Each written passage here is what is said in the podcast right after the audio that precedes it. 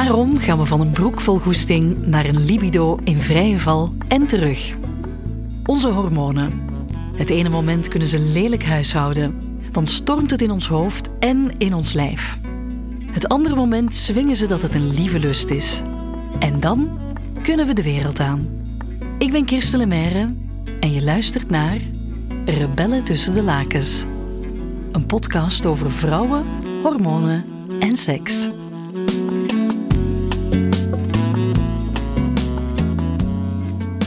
Deze aflevering: Seks en de menopauze. Het is onvermijdelijk. Ooit komen we in de menopauze. Het moment dat onze eierstokken de handdoek in de ring gooien, het voor bekeken houden en genieten van een welverdiend pensioen. Maar vinden we dat als vrouw ook echt genieten? Ik dacht het niet. Naast mij zitten Virginie en Ellen en zij nemen ons mee op pad door menopauzeland. Dag Virginie. Dag Kirsten. En dag Ellen. Hallo, dag Kirsten. Virginie, jij hebt al heel wat menopauzebagage, laat ik het zo noemen, want jij bent menopauzeconsulent. Ik moet eerlijk toegeven, ik kende die term zelfs niet. Wat doet zo'n consulent precies? Um, wij gaan vooral mensen informatie geven, zo adviseren over de menopauze, hoe het allemaal in elkaar zit. Ook wel helpen om taboes en clichés te doorbreken en dan vooral ook preventief werken. Dus, um... Oké, want er komt wel heel wat bij kijken. Hoe komen mensen meestal bij jou terecht dan? Um, op doorverwijzing via ofwel een andere gezondheidsspecialist, ofwel uh, via, via, via vriendinnen, via familie. Okay. Ze zoeken op internet en komen bij ons terecht. Ja. Is daar veel vraag naar? Um, ik vind het moeilijk om in te schatten, omdat het een beroep is dat nog niet zo lang bestaat. Uh, de opleiding bestaat ook nog maar een aantal jaar. Um, dus ja, ik weet niet of dat er veel vrouwen de weg vinden. Maar uh, ik denk wel dat er veel vrouwen met vragen zitten. En dat zij op zoek gaan naar vragen daarover. Ja, maar het bestond dus eigenlijk niet. Dus het, dat, dat wil eigenlijk wel zeggen, veel mensen hebben er nood aan, want plots is het daar. Uh, ze hebben nood aan uitleg al sinds. Ja, ja. absoluut. En het is, bestond al in Nederland, de opleiding, al veel langer. En dan hebben ze het ook in België gedaan. Ja. Lag het een beetje in de taboesfeer of ligt het nog steeds in de taboesfeer? Ik denk dat zeker wel, ja. Dat dat voor veel vrouwen taboe is en dat ook uh, verondersteld wordt dat je dat wel bij de gynaecoloog of bij de, bij de huisarts of zo kunt bespreken. Ja, ja, ja. Maar dan blijkt toch dat er veel meer bij komt kijken en dat dat toch wel iets beperkter is voor veel vrouwen, dat ze meer uitleg nodig hebben, ja. denk ik. Ja. Hoe ben je zelf op het uh, idee gekomen om die opleiding te gaan volgen? Ja, ik had er zelf nog nooit van gehoord. Ik was toen... Uh, denk uh, 6 of 47 toen ik de opleiding gevolgd heb. En mijn jongere zus, die vier jaar jonger was, dat toen uh, borstkanker had. Um, zij had een hormoonafhankelijke borstkanker en zij mocht absoluut geen hormonen nemen. En zij moest eigenlijk ook vervroegd en kunstmatig in de menopauze gebracht worden om zoveel mogelijk vrouwelijke hormonen te blokkeren in haar lichaam, omdat ze niet zo uh, hervallen. Ja. En um, zij is dan plots in die menopauze gekomen. Zij had ook heel wat klachten, vooral door die medicatie. En zij is op zoek gegaan en ze is beginnen zoeken op internet. Ze is, ze is ook een onderzoeker op dat vlak. Ja. En ze wou ook graag veel antwoorden die ze eigenlijk niet kreeg. En um, zij is eigenlijk die opleiding tegengekomen.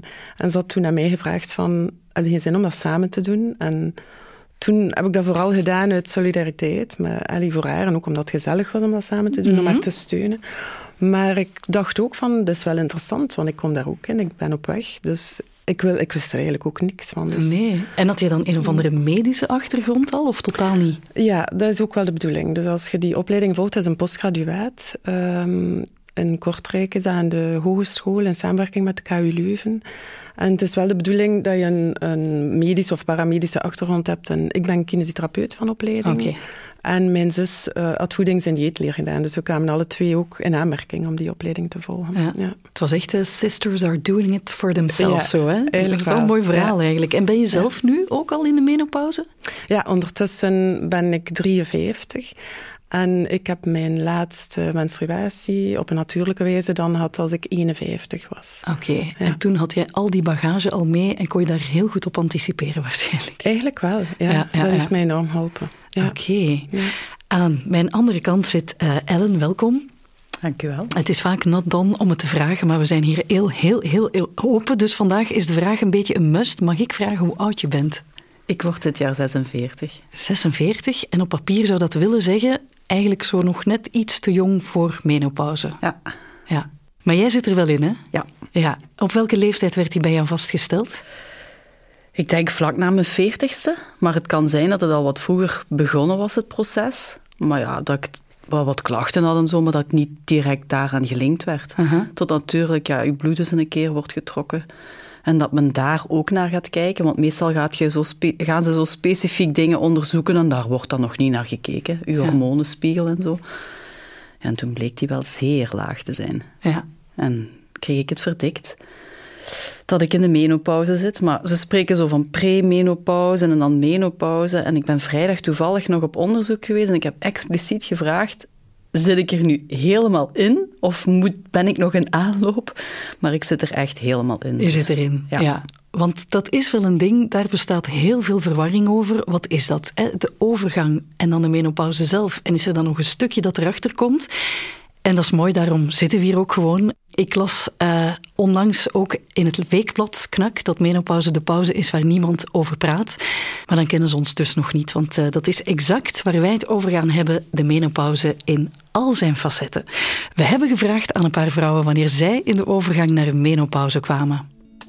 Mijn menopauze is begonnen op mijn 41. Ik heb er vanmorgen nog wel over zitten lezen. Het is blijkbaar gemiddeld op je 50. Dus ja, dat is, dat is wat vroeg. Hè? Ik weet niet wanneer dat eigenlijk echt begonnen is. Omdat je hebt wel ongemakken, maar dat schrijf je niet onmiddellijk toe aan de menopauze.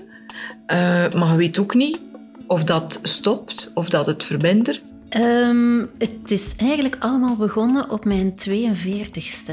En ik moest eigenlijk voor ik op vakantie vertrok mijn regels krijgen, maar uh, die kwamen er maar niet door.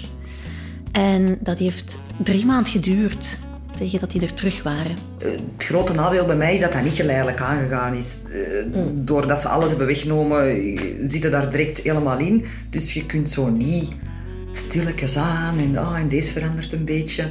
Ja, en dat is wel hard. Op mijn 55 zo. Ik dacht dat ik 52 was. Op mijn 40ste had ik uh, zeer onregelmatige en heftige bloedingen. Dus mijn gynaecoloog vond dat ik beter mijn baarmoeder uh, liet wegnemen. Vanaf dan zou ik in een menopauze geweest zijn. Maar voor mij was dat enkel een woord. Ik heb eigenlijk geen uh, nadelen van een menopauze ervaren. Heel veel verschillende verhalen, heel veel uh, ja, indrukken ook, heel veel verschillende leeftijden. Ellen, je hebt net verteld op welke leeftijd het bij jou begonnen is. Maar ja, welke fase zitten we dan? Hè? Wanneer is het begonnen? Heel veel vragen. Hoe, hoe, hoe is het bij jou eigenlijk begonnen? Had jij bepaalde rare klachten of zo op een bepaald moment? Dat is bij mij vooral geconstateerd op een moment dat, ik, dat het me eigenlijk niet zo goed ging. En dat was een aanloop van een jaar of twee jaar of zo, denk ik. En dan heb ik, ja, ben ik op mijn breekpunt gekomen en heb ik hebben ze een burn-out vastgesteld. Mhm. Mm -hmm. En ja, dan een jaar daarna komen ze af met uh, ja, menopauze. En ja, dan wordt dat daar toch wel wat aan gelinkt. Dat, zal, dat is zeker niet de oorzaak, maar dat heeft uh, Kees natuurlijk geen goed gedaan. Hè. Dus vooral bij mij was dat denk ik mindset. Zo het, ah, ja. zo het, het wat neerslachtig het, het neerslachtig en, en de, de vapeurs die kwamen, maar nog niet in alle hevigheid. Dat was zo, vooral s'nachts. Ja. Dat ik het regelmatig heel warm had. Maar ja, ik, sta, ik denk, je denkt daar niet aan hè, op die leeftijd Tuurlijk dat dat menopauze zou kunnen zijn. Dus ik wees dat toe aan stress. Wat was zo jouw eerste reactie toen je dan dat nieuws kreeg van ik, ik zit in de menopauze, Jesus? Um, dat woord zo op zich deed het niet, maar um, de gynaecoloog die zei... Ja, nu gaat je snel oud zijn. Oei. En dan ben ik wel Dat was lief. Ja, maar ze bedoelden het niet zo, maar zo kwam het, zo herinner ik het mij, hè, zo Ja. kwam het bij mij binnen. En dat, heeft, dat spookt eigenlijk nog steeds door mijn hoofd. Ik hoor haar dat nog elke keer zeggen. Ah, ja, Ja, dat heeft wel wat in gang gezet bij mij. Hè. Dan, ik- niemand wil echt ouder, fysiek dan toch niet ouder worden. nee. Dus daar had ik het vooral moeilijk mee. Daar, ja, dat, Je- dat idee. Je hebt de gynaecoloog vrijdag nog gezien. Ja. Lag het op het puntje van je tong om het toch nog eens te zeggen? Ze heeft het nog eens gezegd. Dat is niet waar! ja, oh, ja, nee. Ja. ja. Ik, ik kijk even naar Virginie, die daar dan waarschijnlijk wel wat tools voor heeft. Want dat zijn dan zo de dingen, inderdaad. Je hebt... En we kennen allemaal zo het typische beeld van zo de botte gynaecoloog, een oudere man die het eens zal zeggen hoe het dan zit. Eh, Dat is misschien niet het beeld die bij jouw gynaecoloog past, maar zo, ja, hoe breng je zo die dingen aan? Dat is ook, dat is ook een aandachtspunt, denk ik, waar heel veel mensen mee worstelen. Ja. Ja, het is, het is gewoon zo complex en er zijn zoveel dingen over te zeggen dat het, denk ik, bij de gynaecoloog soms in een tekort uh, ja. tijdspanne moet allemaal gebeuren en dat mensen bepaalde dingen onthouden, gelijk dat ene zinnetje. Hmm.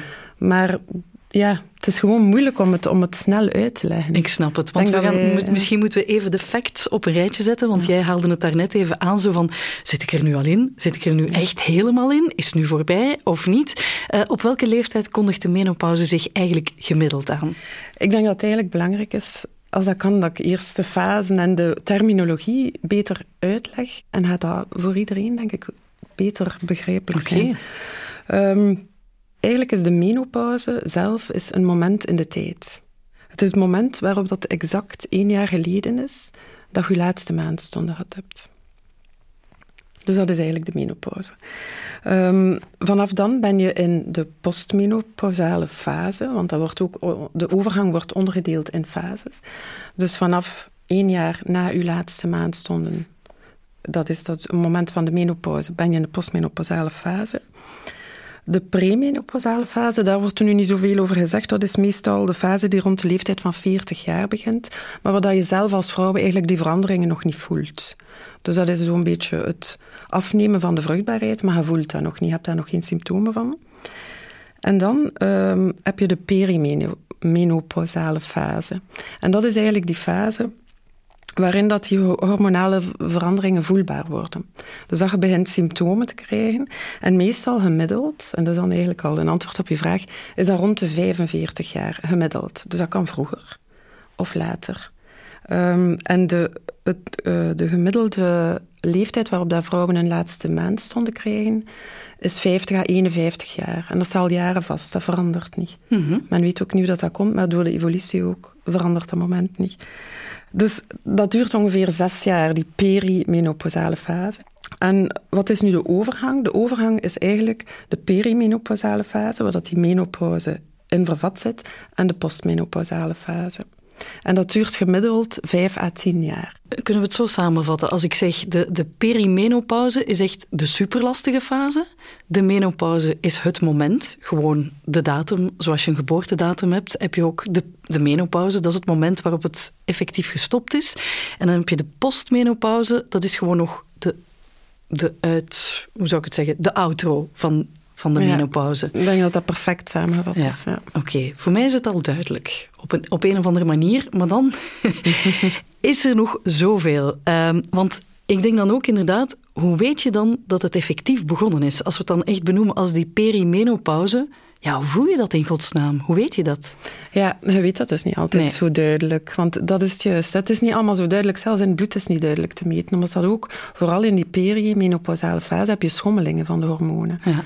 Dan is er normaal, een normale vrouwelijke cyclus is een perfect samenspel tussen de hersenen en de baarmoeder en de eierstokken en, en de vrouwelijke hormonen, hè, oestrogeen en progesteron. Maar van het moment dat je in die perimenopausale fase zit, begin, beginnen die schommelingen, want er is afname van die hormonen. Mm -hmm. En zo beginnen die schommelingen en is dat eigenlijk allemaal in de war. Ja. En dan krijg je wel daardoor symptomen zoals uh, die opvliegers, ja. waar je daar over had. De vapeurs, zoals ja. heel vaak wordt gezegd. Ja, van, oh, ze heeft vapeurs. Dat is zoiets wat heel snel wordt gezegd over de menopauze, wat ook een beetje zo het, het cliché dingetje is dat dat naar boven komt. Dat is zoiets wat, wat mensen daar altijd aan vasthaken. Ja. Um, maar eigenlijk is dan het eerste dat gecheckt wordt als je bijvoorbeeld denkt van ik, ik, ik denk dat ik in mijn menopauze zit, dat is naar de huisarts of de gynaecoloog gaan en dan bloed laten trekken. Dat is eigenlijk the way to go. Eigenlijk niet. Nee, dat is totaal niet de aangewezen manier. Uh, ze gaan dat ook niet doen omdat dat weinig nut heeft. Dat wordt eigenlijk meer... Eigenlijk de juiste diagnose, maar dat is niet altijd mogelijk, is dat uh, opvolgen van die maandstonden en ja, kijken als je een jaar verder bent, als je één jaar geen bloedingen meer gehad hebt, dan weet je van oké, nu is het voorbij. Want als je daarna, na dat jaar, dat je absoluut geen bloedingen gehad hebt, nog een bloeding zou krijgen, dan is dat altijd wel abnormaal. Dan moet je Mhm. daarmee naar de arts gaan. Ja. Dus dat is eigenlijk de juiste diagnose, maar ja, met anticonceptie. Ja, voilà. Mirena, ik- allee, je weet het niet altijd. Hè. En Ja. het is ook niet altijd zo belangrijk om het allemaal zo exact te weten. Nee. Ik denk in jouw geval, Ellen, je zei het net van ik zat net zo zelf wat in een mindere periode, het ging mij allemaal niet. Ja, dan, dan is dat misschien ook niet het eerste waar je aan denkt. Nee, nee, zeker niet. Zeker niet. Nee. Het is gewoon eigenlijk naar boven gekomen tijdens een medisch onderzoek op het werk. Hè. Om de vijf jaar, als je een bepaalde mijlpaal bereikt, moet je medisch goedgekeurd worden. En op dat, op dat verslag stond gewoon dat, ja, mijn hormonenspiegel, dat zal wel, ik, ik ben het vergeten wat of hoe, maar iets moest boven de 300 zijn en ik zat onder de 50. Ja. En dan werd er zo aangegeven, ja, we zouden, ja, je zou misschien toch het best via een gynaecoloog. Mhm. Dan naar de gynaecoloog, opnieuw bloed getrokken en inderdaad, ja. Ja. Dus ja, wanneer dat, dat dan precies begonnen is, Nee. geen idee. Ja, anticonceptie, pff, Ja, is moeilijk. mijn, mijn cyclus was zeer onregelmatig, dus ik, ai, Is het iets waar je, waar je al van gehoord had, bijvoorbeeld vriendinnen of, of mensen in de familie bij wie het ook vroeger begonnen was? Is dat, is dat een topic die al eens ter sprake was gekomen op het moment dat jij dan het nieuws kreeg?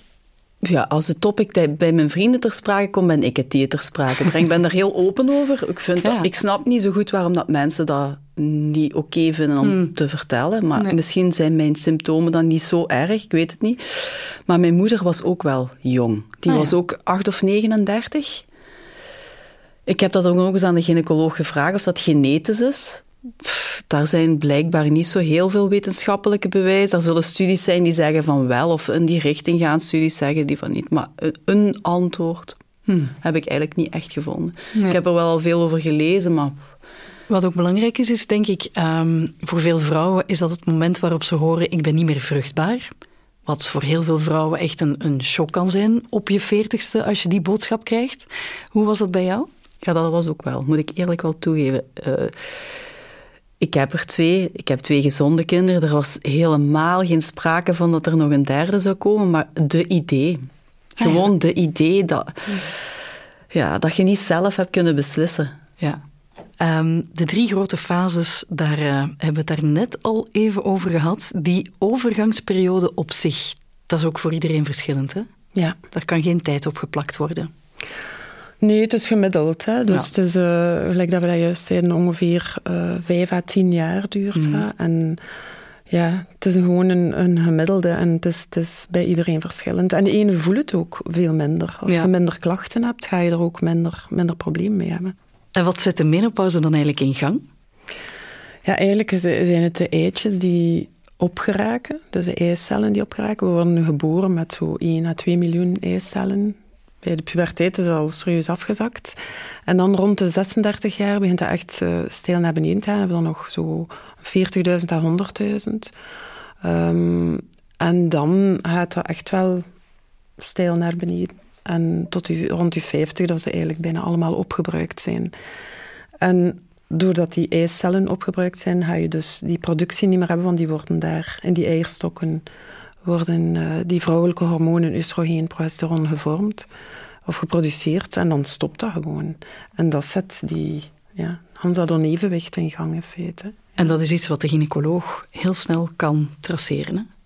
Ja, maar dat is ook naar, gelijk dat we zeiden, van wanneer zijn uw laatste maandstonden geweest. Plus ook gewoon leeftijdsgebonden, gemiddeld, is dat normaal. Bijna niemand is nog vruchtbaar op 52 jaar leeftijd. Dan gaan ze ook nooit uh, geen anticonceptie meer geven. Ik vraag me af, eens je dan effectief in de menopauze zit, zijn er dan symptomen of wordt het dan weer zo rustig?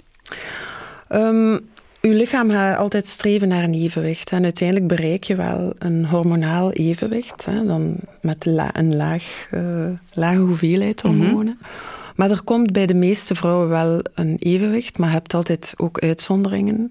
Er zijn echt wel uitzonderingen die bijvoorbeeld blijven zijn. Dat ze echt oud zijn. Maar dat zijn echt uitzonderingen. uitzonderingen ja, ja, maar het kan wel. Ja. Maar bij de meeste vrouwen komt er na die postmenopausale fase wel een evenwicht. Ja, ik vind het wel al interessant om al bijgeleerd te hebben dat als iemand zegt ik zit in de menopauze, ja, dat dat eigenlijk een beetje verkeerd is. Dat die eigenlijk moet zeggen, ik zit in de perimenopauze of de Ja. postmenopauze. Ja, Ja. het is verwarrend. Het is Ja, verwarrend, hè? Ehm, voor alle vrouwen die er nog niet aan toe zijn, kan je als vrouw daar eigenlijk op voorbereiden? Op die overgang, die eerste fase dan? Ja, absoluut. Ik denk dat dat de grote uitdaging is. En die ik ook wel zou willen aangaan. Maar ik vind het een, een heel moeilijk, omdat het dan inderdaad best zo vroeg mogelijk begint met je zo goed mogelijk te informeren. Maar ook met je leefstijl zo gezond mogelijk te maken. En dat is moeilijk, denk ik, om mensen te motiveren als je 35, 40 jaar bent, om daar dan al aan te denken. Mocht ik nu kunnen daar beginnen, ik, ik heb vroeger gerookt en, en te veel alcohol gedronken ook vaak. Ja. En ik zou dat nu ook anders aanpakken. Maar ja, op dat moment zij wilde daar niet mee bezig zijn en zeiden daar niet mee bezig. En waarom? Dat heeft allemaal effect op wanneer het begint of hoe heftig het komt? Of... Nee, op wanneer het begint, hadden we weinig... Allee, vrouwen die roken gaan meestal een beetje vroeger in de menopauze komen, maar dat scheelt ook niet zoveel. Maar vooral eh, ja, de klachten op zich en ook het begrijpen van wat er gebeurt met u.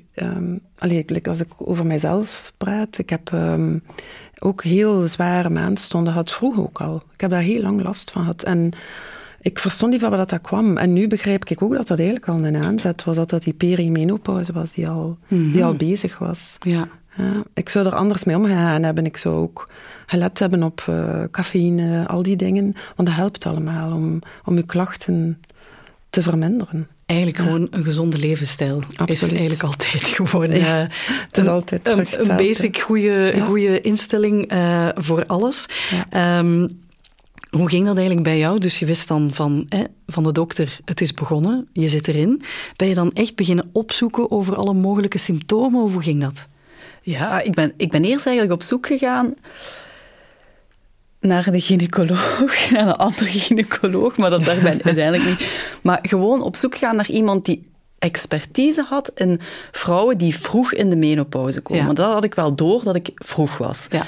En mijn, mijn, mijn eigen gynaecoloog liet uitschijnen. En ze zei daar, ja, je bent nog zo jong. Dat dat toch wel iets bijzonders was. En dat ik daar toch maar mee moest opletten. En mijn botten. En ik ging snel oud worden. En, oh. Maar dat, allee, toen Leen mij vertelde van een menopauzeconsulent, toen dacht ik... Maar dat was mijn redding geweest. Dat hè. bestaat. Dat ja. bestaat. Ja. Dat heb ik dus niet gevonden. Hè. Ja. Eh, op internet, eh, het ziekenhuis in Leuven, ik ga daarvan uit, daar, daar zitten alle specialisten, daar zitten misschien 300, allee, scroll uren door naar gynaecologen, maar er was niemand die een expertise had in menopauze. En ik had toch echt wel nood aan meer specifieke info. En dan ben ik ja, boeken gaan lezen, alles wat ik kon vinden. Maar heel weinig is toegespitst op, op jonge leeftijd in de menopauze. Alles gaat over globaal de menopauze. Maar ik kan mij voorstellen dat iemand van 55 daar in mindset, bedoel ik dan, anders mee omgaat dan iemand van 41. Ik moest... Absoluut. Het fysieke was een dreiging, dat geef ik eerlijk toe. Maar ik wou vooral met een mindset. Hè, wat moet ik hier nu... Ja, ik ben, eh, een, hoe moeten ze dat zeggen, vol overtuigd dat uw mindset mee uw fysiek steunt. Dus ik dacht, ik moet eerst in mijn hoofd een duidelijke uitleg eh, wat hier gaat komen. En dan zal dat fysieke wel, daar vind ik dan wel oplossingen voor. Ja, maar ja. Wat vond jij zelf het, het meest vervelende aspect? Ik heb twee extremen die eruit springen. En dat is mijn ja, opvliegers, die nu onder controle zijn, maar in het begin vreselijk waren. Echt, dat, ik voelde dat opkomen in mijn, aan mijn tenen. Dat kwam echt zo precies alsof ik in een zwembad stapte. Hè. Dat kwam omhoog, omhoog, omhoog, omhoog, omhoog, tot aan mijn haarlijnen. Ja. En ja, iedereen zag dat. Dat is geen idee van... Dat is niet een idee dat je in je hoofd hebt. Nee, nee, dat is echt Je werd ook helemaal rood en zo. handdoeknat. Handdoeknat, ja. En dat, kon, ja, dat, dat gebeurt dan natuurlijk op de meest ondenkbare Ah, momenten. ja. Ja. Ja. en ik heb stress stimuleert het bij mij. Ik heb periodes waarin, ik, waarin het, heb ik er minder last van. Maar als ik in stressvolle periodes ben, dan komt dat op de meest onmogelijke momenten. Vooral als je dan zo'n paniekje krijgt of zo, dan wordt die uitvergroot, die paniekaanval. Allee, ja, bijvoorbeeld gewoon een presentatie geven op het werk, je loopt daar zo rond vijf minuten voor de tijd en dan Ja, dan is daar. Ja. Een tweede wat ik heb, is slecht slapen. Slecht, nee, eh, dat is verkeerd uitgedrukt. Ik bedoel eigenlijk vooral kort. Kort, maar krachtig. Zo vier uur slaap ik heel goed, heel diep, en dan ben ik wakker. Ik heb al boeken gelezen tijdens de nacht. En waarschijnlijk alles geprobeerd. En een theetje, en een ditje, en een Sali datje. thee, En, eh, pff, ik heb van alles geprobeerd. Ja. Ja. Maar dat zijn dus bij jou de, de twee grote dingen. Als je zegt van ik ben echt op zoek gegaan naar iemand om daarover te babbelen in het begin, om, om toch even gewoon te weten van wat moet ik doen, wat, wat, wat, wat gebeurt er allemaal. Met wie heb jij er toen het best over kunnen praten? Ja, vooral met ervaringsdeskundigen, mensen in mijn omgeving die al wat ouder zijn en die er dan in zitten. Wat doen die? Eh, nemen die medicatie? Eh, welke hulpmiddeltjes hebben die om te slapen, om die vapeurs tegen te gaan? Ja, gewoon echt vooral mensen in mijn omgeving. Ik heb dan ook van alles geprobeerd, wat dat die mensen aangaven, om hun weg te vinden. Om dan uiteindelijk zelf toch ja, tot een, iets te komen dat voor mij werkte. En wat werkt voor jou? Hormonen. Ja. Helaas. Ik vind dat heel erg, want ik, ik sta er zelf niet helemaal achter. Maar het is wel het enige op dit moment dat voor mij werkt. En dat alles een beetje stabiel houdt. We gaan daar eh, straks nog eh, verder over praten, want ik denk dat dat echt een van de dingen is waar het dan veel over gaat, de hormonen. Het, was, het werd daarnet al even aangeraakt. We gaan eh, ook even luisteren wat eh, verschillende vrouwen aangeven als je denkt aan symptomen. Eh, welke symptomen ervaarden zij tijdens hun menopauze en de overgang? Het enige wat ik van ongemakken had, was in mijn bed dat ik van die zweetbuien had. Ik weet nog dat ik vroeger als oudere collega's daarover spraken, dacht... Manneke, je hebt gewoon wat te warm, hè? Allee, Zo erg zal het wel niet zijn, zeker? Ja, nee, daar voel ik mij nu wel schuldig over, want het is toch anders. Het lijkt alsof je zo van binnen ergens in brand staat of zo. En je wilt alles uitdoen, ook je vel.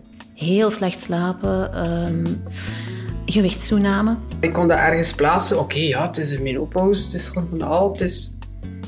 En dat is weggeëpt.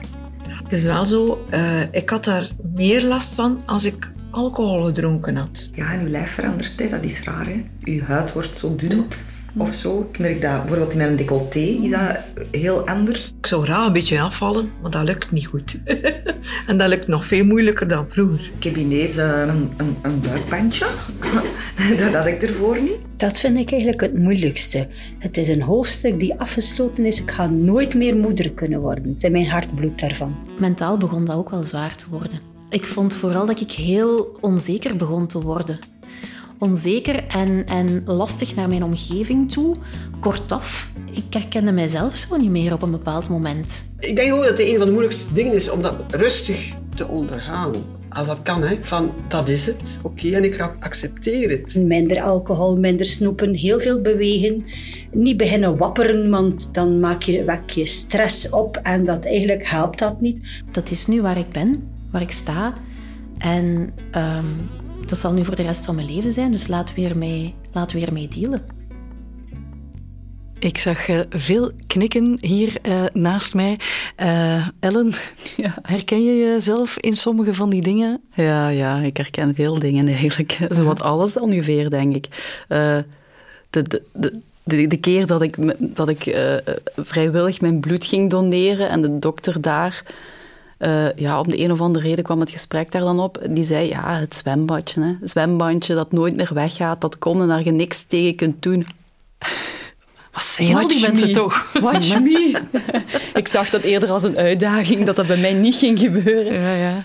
Ik vond die ene uitdrukking van het is alsof je je vel eigenlijk gewoon wil Ja. uitdoen. Je wil echt je uit, uit dat vel. Ja, het is zo inwendig, hè. Maar ja, Jouw, jouw menopauze-heks, ehm, die hormonen is één ding, maar zijn er zo nog een paar dingetjes die, die je misschien zelf al van tevoren had geweten? Of dingen waarvan je zegt van, allee, dat heeft, mij, dat heeft niemand mij echt gezegd, maar kijk, ik ben daar nu zelf op gekomen en dat werkt voor mij. Eh, het, in uw, ho- het moet in uw hoofd gewoon goed zitten. Ja. Allee, daarover liggen zakkeren en, en oh, nu dit en nu dat, ah, dat denk ik dat niet helpt. Bij mij werkt het door een positieve mindset te houden. Ja. En ben je dan ook je, je levensstijl een beetje gaan Ja. aanpassen? Ja. ik ben wel meer gaan sporten. Ah, ja. Ik heb altijd gesport, nooit echt extreem, maar nu ben ik wel consequenter. En wat doe je dan? Ehm, kracht, zo crossfit, Oké. van die dingen, ja. Lopen. Ja, En- intensief sporten, absoluut. Kracht, vooral Ja. krachtoefeningen. Oké. Het is al twee keer teruggekomen. Je had het er ook over, hè? Sport jij veel bijvoorbeeld? Ja, ik probeer ook eh, te sporten. En wat Ellen net zegt, uh, kracht is, is zeer goed, omdat dat ook um, impact heeft op uw, op uw bot. En dat dat u, ja, omdat je al vroeger hè, in, de, in de overgang gekomen bent, is dat wel heel belangrijk. Om dat stevig te houden. En dat helpt echt. Ja, dat is gewoon super. Ook lopen, als je impact hebt van de grond. Het moet beter dan, dan, dan fietsen. Fietsen is ook goed, want het is dan cardiovasculair goed. Mhm, maar mhm. Het is allemaal goed. Maar bewegen is effectief, het is, het is aangetoond, wetenschappelijk aangetoond, dat dat helpt om die klachten te verminderen. En ook naar later toe, om, om dan die chronische ziekten... Uh, uit te stellen of te vermijden. Ja, absoluut. Ja. Om het even te hebben over die vapeurs, want het is echt iets waar heel veel vrouwen last van hebben. Hoe worden die eigenlijk veroorzaakt? Wat is dat eigenlijk? Dat, komt eigenlijk, um, dat wordt eigenlijk veroorzaakt vooral in die perimenopauze, wanneer dat die hormoonschommelingen groot zijn. Omdat ik het daarnet gezegd heb, een samenwerking tussen je hersenen en je eierstokken. Die, en die eierstokken produceren dan die vrouwelijke hormonen. Maar we hebben daar ook onze hersenen voor nodig die dat regelen en die dat sturen. En um, zij proberen, als die hormonen beginnen afnemen, proberen die hersenen wel nog altijd te sturen en, en te zorgen dat dat wel nog werkt. Maar ja, geleidelijk aan moeten ze dat opgeven. Maar ondertussen is dat, is dat systeem een beetje in de war. En dat wordt onder andere door een klier, de, de hypofyse, geregeld. En daar zit ook uw temperatuurcentrum. Uh, en ook je stresshormoon, dat ligt er allemaal heel dicht tegen elkaar en dat wordt allemaal zo'n beetje in de war gebracht. Ik zeg dat nu simpel, want dat is natuurlijk fysiologie. De klimaatregeling van de sauna is kapot, daar ja, komt het op neer. Eigenlijk is het ja, in de war. En waar dat je vroeger meer speling had, voordat je lichaam wil altijd naar 37 graden gaan. Dat is zo een evenwicht waar je lichaam altijd naar streeft, waardoor dat we zweten of kou krijgen en kippenvel krijgen. En je hebt zo een bandbreedte van ongeveer 0,4 graden Celsius, waar, dat, waar dat het tussen kunt spelen. En dan begint het lichaam te reageren. En een keer dat die hormonen afnemen, wordt die bandbreedte kleiner. Dus dan heb je zomaar 0,2 graden Celsius speling niet meer. En vanaf dat je daar buiten gaat, ja, vooral naar warmte dan, krijg je plots een reactie van je lichaam van wow, we moeten afkoelen. En vandaar de vapeur. Ja. ja. En daar komen dan die hormoontherapieën. Dat is een, een topic waar we het zeker over moeten hebben. Mhm. Ehm, toen ik zei van, ik ga het over de menopauze hebben, hè, uh, zeiden een paar vriendinnen direct, vraag dat eens van die hormonen. Want er zijn zo gynaecologen die zeggen van, ja, ja, we gaan dan starten met dit. Maar er zijn ook gynaecologen die resoluut tegen zijn en die daar absoluut uh, niks mee willen doen. Um, hoe zit dat? Wat, wat, wat, wat is het hele hormoontherapie gegeven? Ja, ik ben erin gerold door mijn zus, zoals je weet, die geen, absoluut geen hormonen mag hebben, in tegendeel. Hè. Dus voor mij, ik had ook altijd zoiets van, ik ga zeker nooit hormonen pakken, want allee, alleen al uit solidariteit met haar zou ik het niet doen. Maar ik heb het ook nog niet nodig gehad. Maar het is wel een ander verhaal als je bijvoorbeeld vroeger in de menopauze komt, of te vroeg, maar dat wil dat wel zeggen, voor je veertigste. Dan heb je soms echt wel die hormonen nodig, ook naar osteoporose, vermijden van osteoporose. Um, maar wat dat vooral uh, hormoontherapie doet, dus dat is een medicatie. Mm -hmm. Zij gaan vooral werken op die uh, vapeurs. Dus ze, dat is echt bijgeven van vrouwelijke hormonen. Ja. Um, en dat heeft een enorm goed effect op, uh, die, op vliegers ja. en op dat nachtzweet. En daarvoor werkt dat enorm goed. Voor de rest is dat geen wonderpil. Dan gaat dat niet uw menopauze vermijden of het verouderingsproces stoppen, want, want dat kan niet, we moeten ouder worden. Maar het, uh, ja, symptoom, puur symptomatisch is het wel aangewezen bij mensen, maar dan gaan ze daar wel wat voorwaarden aan hangen, normaal gezien, want het blijft medicatie met ook bijwerkingen. Ja. Um, uw levensstijl is de basis, dus die moet goed zijn. Dus uh, vrouwen die roken, die, uh, die veel alcohol drinken en zo, daar ga je dan moet je dan wel mee opletten. En dan, mhm. de dokter gaat dat goed bespreken. Het is ook de bedoeling dat je het heel kort doet. Gedurende zo, allez, zo lang als dat uh, nodig is. En zo kort mogelijk. Het mag ook niet gegeven worden aan vrouwen boven de 60. Um, ehm, en ook zeker niet langer dan vijf jaar. Omdat dat ook wel complicaties kan meebrengen en risico op uh, bepaalde zaken zoals tromboses, borstkanker, is licht verhoogd met de nieuwe hormoontherapie. Want daardoor is er heel veel verwarring ook, omdat er in de jaren 2000 studies uh, uitgekomen zijn. Um, waarin dat men enorm de nadruk legde op die risicofactoren, gelijk borstkanker. Maar met de nieuwe hormoonmedicatie is dat veel lager. Mhm. Zijn dat dingen die je allemaal meegekregen hebt, die info? ik zit hier zo. Oei. nee, um, nee, eigenlijk heb ik het tegenovergesteld. Ik ben eigenlijk overtuigd van die hormonen Allee, ik neem geen medica ik neem geen pillen. Ik moet zo'n soort, allee, ik smeer zo'n soort gel op mijn bovenarmen. Ik heb dat heel lang uitgesteld. Dat potje heeft daar heel lang gestaan, tot ik het gewoon niet meer zag. Ik had alles geprobeerd en niks werkte. En het was gewoon niet meer leefbaar voor mij. Het was, ai, ik was constant onder de douche, uit de douche. Ai. En dan ben ik daarmee begonnen en ik had uh, voorgeschreven gekregen dat ik dat s'morgens en s'avonds moest doen, op mijn bovenarmen smeren en op mijn bovenbenen. En ik dacht, ik ga dat alleen s'morgens doen en alleen op mijn bovenarmen. Uh-huh. En we zien wel wat dat geeft. En dat werkte direct. Oké. En toen dacht ik, dat is goed dan. Hè. Maar als je dan die bijsluiter begint te lezen, ik had dat op voorhand wel al gedaan. En vandaar dat dat zo lang bleef staan. Dan, ja, dan, dan lees je wat dat zij nu, wat Virginie nu eigenlijk vertelt. Hè? De verhoogde risico's, de mogelijke bijwerkingen.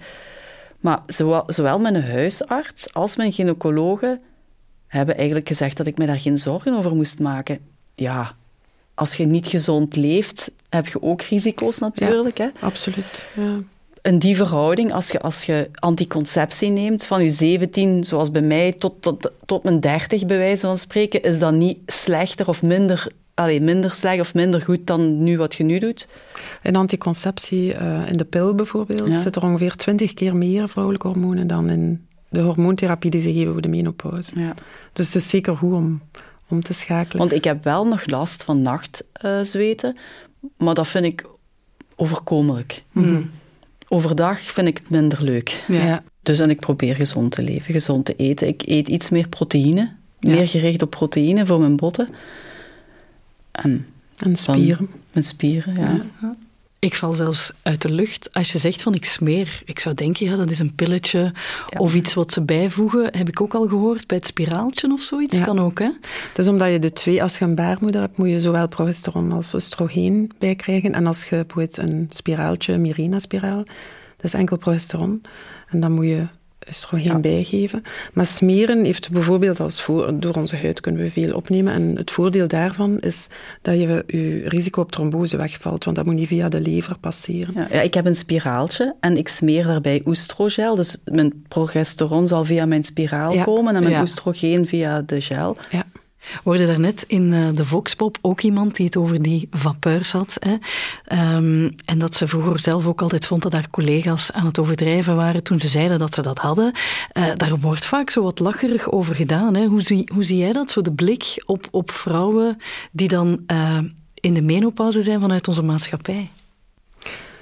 Ja, het is niet gemakkelijk. Hè, nu. Het is, ik denk, denk dat er wel een verschuiving is. Dat dat er meer over gepraat wordt en zo. Maar ik denk dat ja, vrouw, het, het verouderen, en dat past niet zo goed in onze maatschappij nu, denk ik.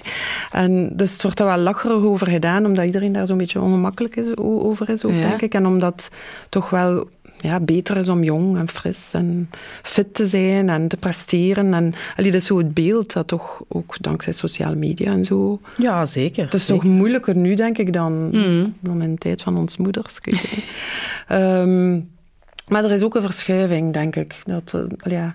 Ja, het feit alleen al dat er nu een opleiding bestaat ja. en dat mensen de weg naar die opleiding vinden en dat er effectief mensen zijn bij wie je terecht kan met al je vragen, dat is al een teken, toch? Ja, en ook zo die beweging van die body positivity. Ja. En al dat helpt ook allemaal wel, denk ja. ik, voor, voor die menopauze dan ook in een betere plaats te brengen. Want ja, het is, het is gelijk dat je dat net ook zei, van die mindset is ook belangrijk, want je kunt het eigenlijk ook wel zien als een soort brug naar een nieuwe fase, naar een, een, een betere ding. Want er zijn ook veel voordelen aan, hè, uh -huh. uiteindelijk. Ja. Je hebt dan wel die maandstonden niet meer. Ja, daar zijn we dan ook wel weer vanaf. Ja, ja. Uiteindelijk kun je het ook zo zien. Hè.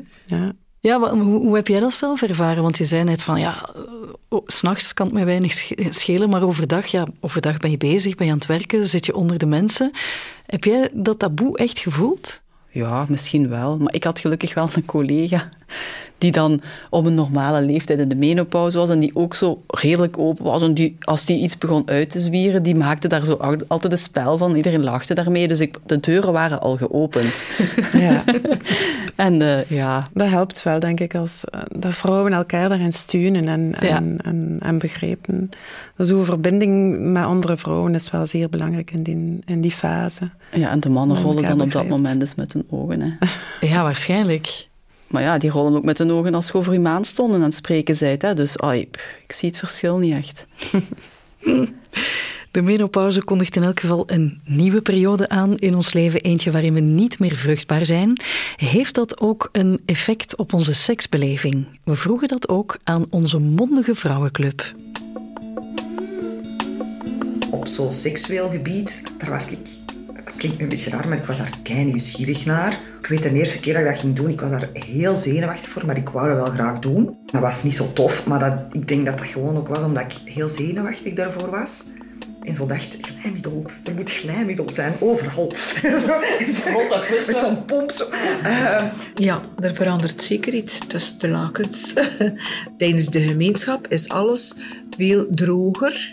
Dus eigenlijk ben ik ook genoodzaakt om lijmiddel te gebruiken, want anders lukt dat niet. En het is toch ook niet de bedoeling, als je gemeenschap hebt, dat dat pijn doet. Hè? Allee, ja. Eigenlijk is het, eh, is het vrij vrij, niet? Eh, wanneer dat past, en wanneer dat je hoesting hebt eh, en wanneer dat je uitkomt. Dus voor mij is dat zeker geen belemmering geweest of iets negatiefs. Ik denk dat ik vooral nog te vroeg ben om daarover te praten. Ik denk dat mijn man niet kan meevolgen met mij. Oei, dat is dan een heel ander verhaal. Maar ik denk dat seksualiteit van zoveel nog andere factoren van afhangt. En die menopauze zou er misschien iets kunnen toe doen, maar De behoefte is er nog wel. Natuurlijk, het verlangen Ja, voilà. is er nog. hè. Ik kan à la minuut hoesting krijgen. Ik kan à la minuut, als de omstandigheden goed is, een leuke vrijpartij hebben. Ik heb geen moeite om een orgasme te krijgen. En zeker goeie. Hepla, zeg, dat is allemaal goed nieuws als ik dat hoor. Ja. Eh, Virginie, je was ook een paar keer mee aan het eh, knikken. En, en, en ja, het is de, dat zijn dingen waar ik dan zelf nog niet aan gedacht heb. Inderdaad, van je hoeft niet meer te, te, te denken over oei. Er moet hier op tijd hè, eh, nagedacht worden van, eh, hè, we moeten hier, eh, hoe zeiden ze dat vroeger, heel klassiek, de kerk verlaten voor eh, dat soort van dingen. Dat, dat moet allemaal niet meer. Nee, als, je, als de vruchtbaarheid gestopt is, dan, ja, Wat dan een voordeel is dat een vrijheid Ja, uiteindelijk. Een hè. vrijheid. En, en daardoor kan het misschien allemaal net iets spontaner ook. Ja.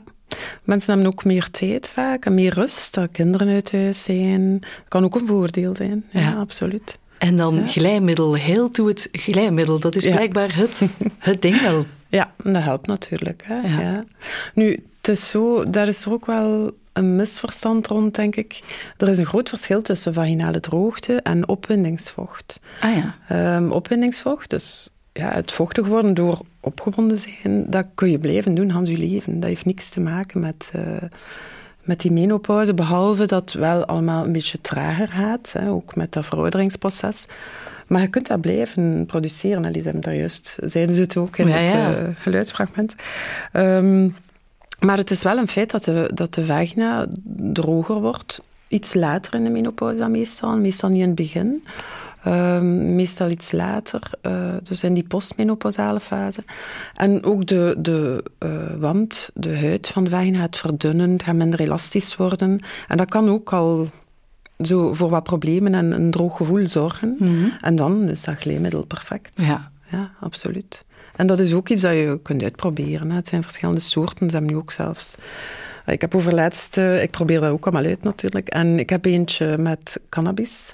Zo legale cannabis. En ja, dat werkt perfect. Ja. En wat is dan het verschil met een, met een gewone, laten we zeggen, op waterbasis? Wat is het verschil? Ik weet het niet of dat zoveel verschil maakt. het was dus perfect. een Het is gewoon soms... Ja, het is ook soms... eh allee, in het een zit dan kokosolie, in het andere is zo wat wateriger. Je moet dat Ah ja, voor jezelf ook eh, voelen van... pff, wat is werkt niet al- voor ja. mij? Ja. Het is, het is niet altijd even, eh, even aangenaam. En dat is ook met geurtjes en zo. Ja, dat kan. Ja. Ja. Maar je kunt ook gewoon kokosolie gebruiken, bijvoorbeeld. Ah ja. Ja. ja. En dan ook, de, allee, daar was er ook iemand eh, over bezig, een hormonale crème of, een, of zo'n soort zetpil. En dat is dan ook weer zo'n lokale behandeling. En dat kan ook bijvoorbeeld helpen bij mensen die um, terugkerende blaasontstekingen hebben. Dat komt ook soms iets meer voor, omdat die huid daar allemaal dunner is. En ja, dat heeft ook uh, een effect daarop. Ja. Dus dat kan daarvoor helpen. Ja. Ellen, als je aan uh, het effect van de menopauze denkt op jouw seksualiteit, wat denk je dan? Dan moet ik nadenken of dat wel een effect heeft eigenlijk. Ah ja? Dat ja. klinkt goed. Of... Ja, ja of, of niet. Ja, dat of is niet. maar hoe bekijkt. nee, nee, nee. Um, ik, ik denk niet dat de menopauze de factor is van hoe mijn seksleven op dit moment is. Ik denk dat mijn drukke leven, uh, twee kids, uh, een man die in shiften werkt met nachtshiften, uh, veel meer impact heeft op mijn seksleven dan, mijn, dan de menopauze.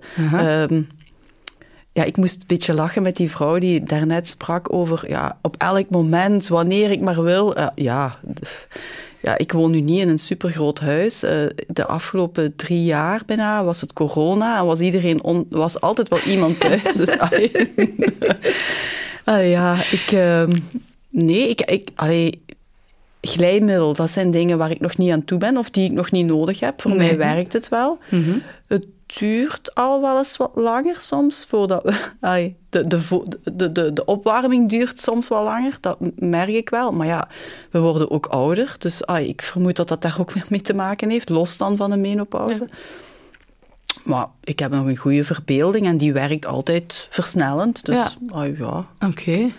Ik kan niet direct zeggen dat er op dit moment. Uh, een juk ligt op mijn seksleven door de menopauze. Maar ja, als ik dat zo hoor, gaat dat misschien wel nog komen. Ja, ik onthoud nu vooral cannabisglijmiddel.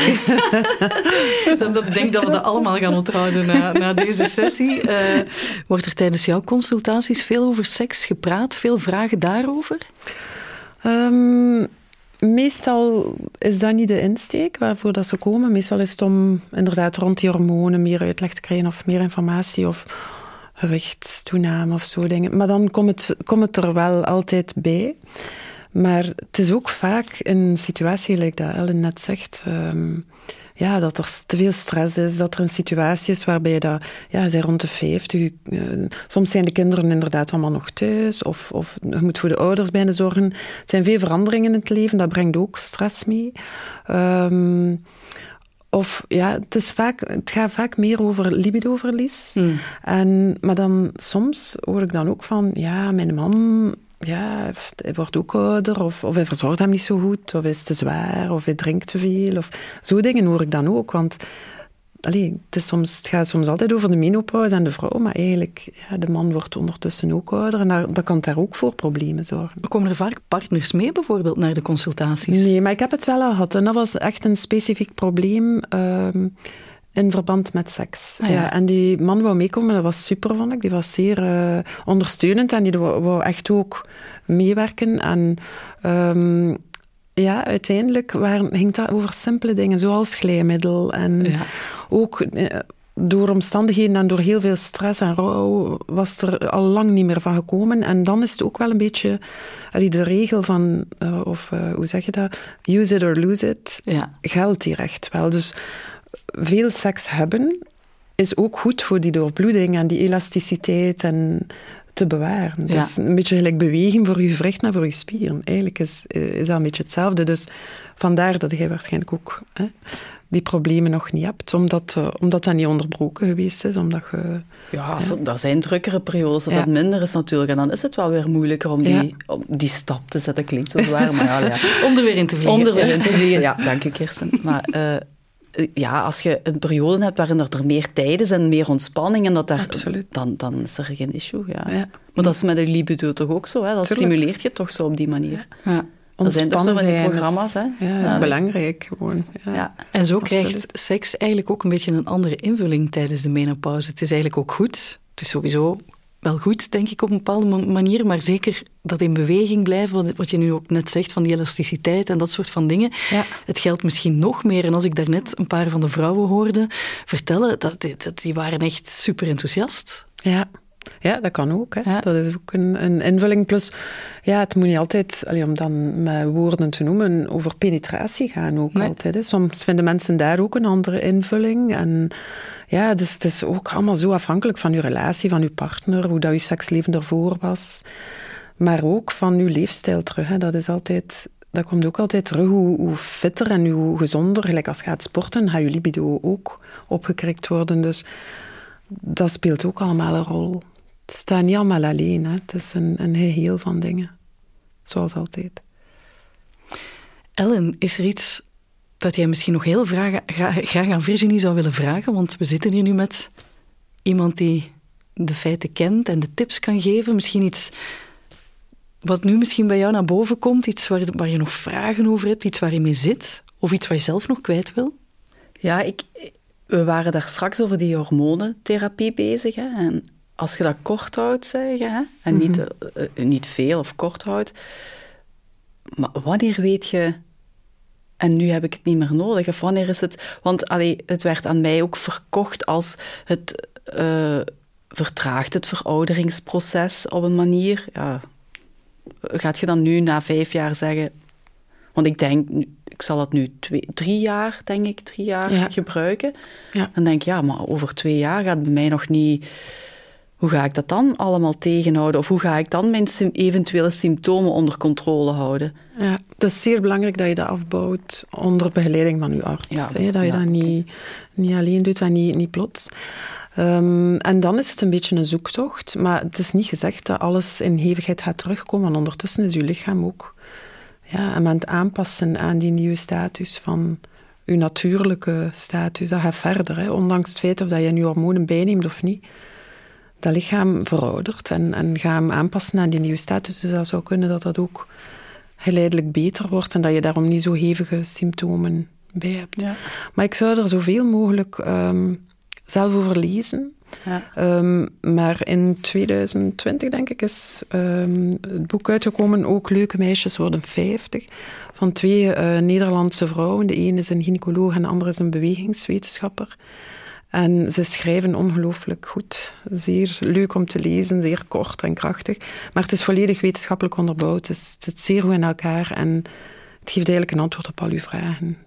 En dan kun je zelf daar al een visie vormen dat je dan samen met je arts kunt bespreken. En denk dat dat in uw geval zeker uh, belangrijk is, want je bent echt goed bezig met je leefstijl, met je sport. ja, dat, dat is mijn conclusie eigenlijk ook wel. Ik heb mhm. precies toch wel de juiste keuzes gemaakt. Absoluut, ja. Ik moet er zelf soms mee lachen, want uh, mannen die in een midlife crisis zitten, je hoort dat toch zo, die worden dan 40, 45 en dan gaan die ineens koersen. Elke zondag gaan die op de fiets 150 kilometer. Ik ook, hè. Ik ga nu drie keer per week sporten. Mijn kinderen die lachen daarmee, maar die kunnen mij niet volgen. Die zeggen, ah, daar is Ma weer. Ai. Dat is fantastisch. Ja. ja, goede voeding, veel, genoeg bewegen en on, zorg voor ontspanning. Die drie ja, gaan u echt helpen om je klachten onder controle te houden. Dus je, hebt eigenlijk, je kunt zelf veel doen. Ja, absoluut. Het is al een paar keer aan bod gekomen, hè? gezonde levensstijl, sporten. Um, en dan ook het bot, de botten, iets wat heel broos kan worden, iets wat heel belangrijk is. Um, ja, wat is de link eigenlijk met, met die botproblemen? Als je denkt menopauze, botproblemen, hoe, hoe verhoudt zich dat? Ja, het is, dus die vrouwelijke hormonen, osteoporose, uh, oestrogeen en uh, progesteron, komen niet alleen tussen in, de, in onze cyclus, dus om die te regelen, die maandstonden, die ijsprong en al die dingen, de normale cyclus. Maar ze komen ook uh, tussen in een heel aantal andere processen. Zoals bijvoorbeeld stemming. Hè. Dus in het begin had je daar gezegd van die stemmingsproblemen en moedswings en zo. Dus als je afname krijgt van die hormonen, uh, gaan ook die functies waar dat ze ook in meespelen ook afnemen. En dat is onder andere ook in, de, in het bewaren van de botdichtheid en van de stevigheid van het bot. Dus dan natuurlijk ook samen met het verouderingsproces. Maar, um, en het hangt ook samen met een aantal risicofactoren. Uh, dus niet iedereen krijgt osteoporose na de menopauze of, of door te verouderen. Dat zijn vooral mensen die bijvoorbeeld heel tenger zijn of die, uh, waarbij dat in de familie is ook. Dat is ook uh, een factor om rekening mee te houden. En dan kan daar ook medicatie voor gegeven worden. Daar, daar ben jij zelf ook op gewezen dan? Ja, ja, ja. Uh, zit in de familie, osteoporose, ja. dus ik ben sowieso al een risicogeval wat dat betreft. Gezien mijn jonge leeftijd voor de menopauze, die dat er dan bij komt. Ja, ik neem voedingssupplementen en ik neem calcium bij elke dag. Uh, om dat hopelijk ja, wat te vertragen of tegen te gaan. Hè. Ja. ja. Ik weet niet of we nog iets heel belangrijks vergeten zijn. Um, ik denk dat ik het kan samenvatten als. Ellen, jij bent goed bezig, hè? gezonde levensstijl. Mhm. Dat is iets wat ik vooral onthoud na dit. Van kijk, het is, het is, voor iedereen anders. Het komt voor iedereen op een andere dag, een andere datum. Het, is voor, het voelt voor iedereen anders. Um, maar ik denk, als je in je achterhoofd houdt van die gezonde levensstijl... en dat je vooral moet zoeken wat er voor jezelf werkt... Vatten we het dan een beetje samen? Ja, absoluut. Je kunt je niet altijd vergelijken, maar ik denk wat dat wel echt belangrijk is, is om je echt te verbinden met andere vrouwen. Of dingen gelijk dit, deze podcast. Um, of vrouwenverenigingen die initiatieven doen rond de menopauze. Ik denk dat dat wel belangrijk is om het meer en meer bespreekbaar te maken. Ja. Virginie, Ellen, dan wil ik jullie allebei bedanken voor jullie aanwezigheid, openhartigheid en deskundigheid. Dank u wel. Dank u wel. Je luisterde naar Rebellen tussen de lakens. Een podcast van Rebellen in samenwerking met het Geluidshuis. Onze gasten deze aflevering Ellen Jansen en Virginie Kolpaert. Host Kirsten Lemaire. Concept, regie en redactie Leen Renders. Research en redactie voor Rebellen Lien Willaert en Sarah van den Broek. Jingle Flor van Praat en Bram Kouwmans. Geluidstechniek Bram Kouwmans en Olivier Marga. Met extra steun achter de schermen van Anne Smet, Marijke Gutes, Hebe van de Verre en Laura Buts. Heb je genoten van deze podcast? Laat dan een recensie na. Zo vinden anderen ook de weg naar deze podcast. Benieuwd wat Rebellen nog zoal doet? Surf naar rebellen-vzw.be of vind ons op Facebook en Instagram.